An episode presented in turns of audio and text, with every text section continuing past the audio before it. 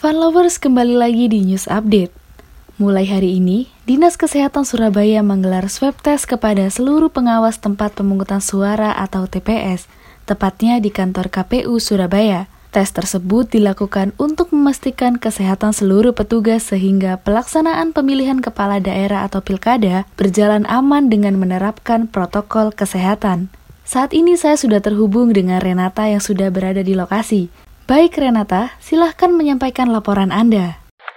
Iya, terima kasih Wina. Baik Fun Lover, sekarang saya sudah berada di kantor KPU Surabaya.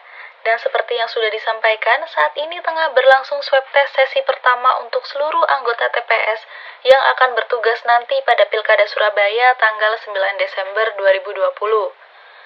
Para peserta swab test ini sudah mulai berdatangan sejak pukul 2 tadi dan berlangsung cukup kondusif. Swab test ini akan dibagi menjadi dua sesi untuk menghindari adanya kerumunan. Sesi kedua nanti akan diikuti oleh sekitar 377 peserta. Pelaksanaan swab test ini memang fasilitas dari pemerintah kota Surabaya. Hal ini juga dilakukan untuk mengantisipasi penyebaran virus corona.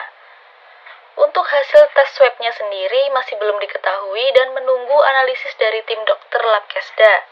Sementara itu, Sekretaris Badan Pengawas Pemilihan Umum Bawaslu Kota Surabaya, Bapak Indra Fajar Swasana menyatakan bahwa ia telah mengantisipasi apabila ada petugas TPS yang hasil tesnya positif akan digantikan oleh petugas cadangan, sehingga pengawasan tetap berjalan di TPS. Baik, demikian laporan yang saya sampaikan. Kembali ke studio bersama Wina. Ya, terima kasih Renata untuk laporannya. Baik followers, demikian news update hari ini. Selamat sore dan selamat beraktivitas.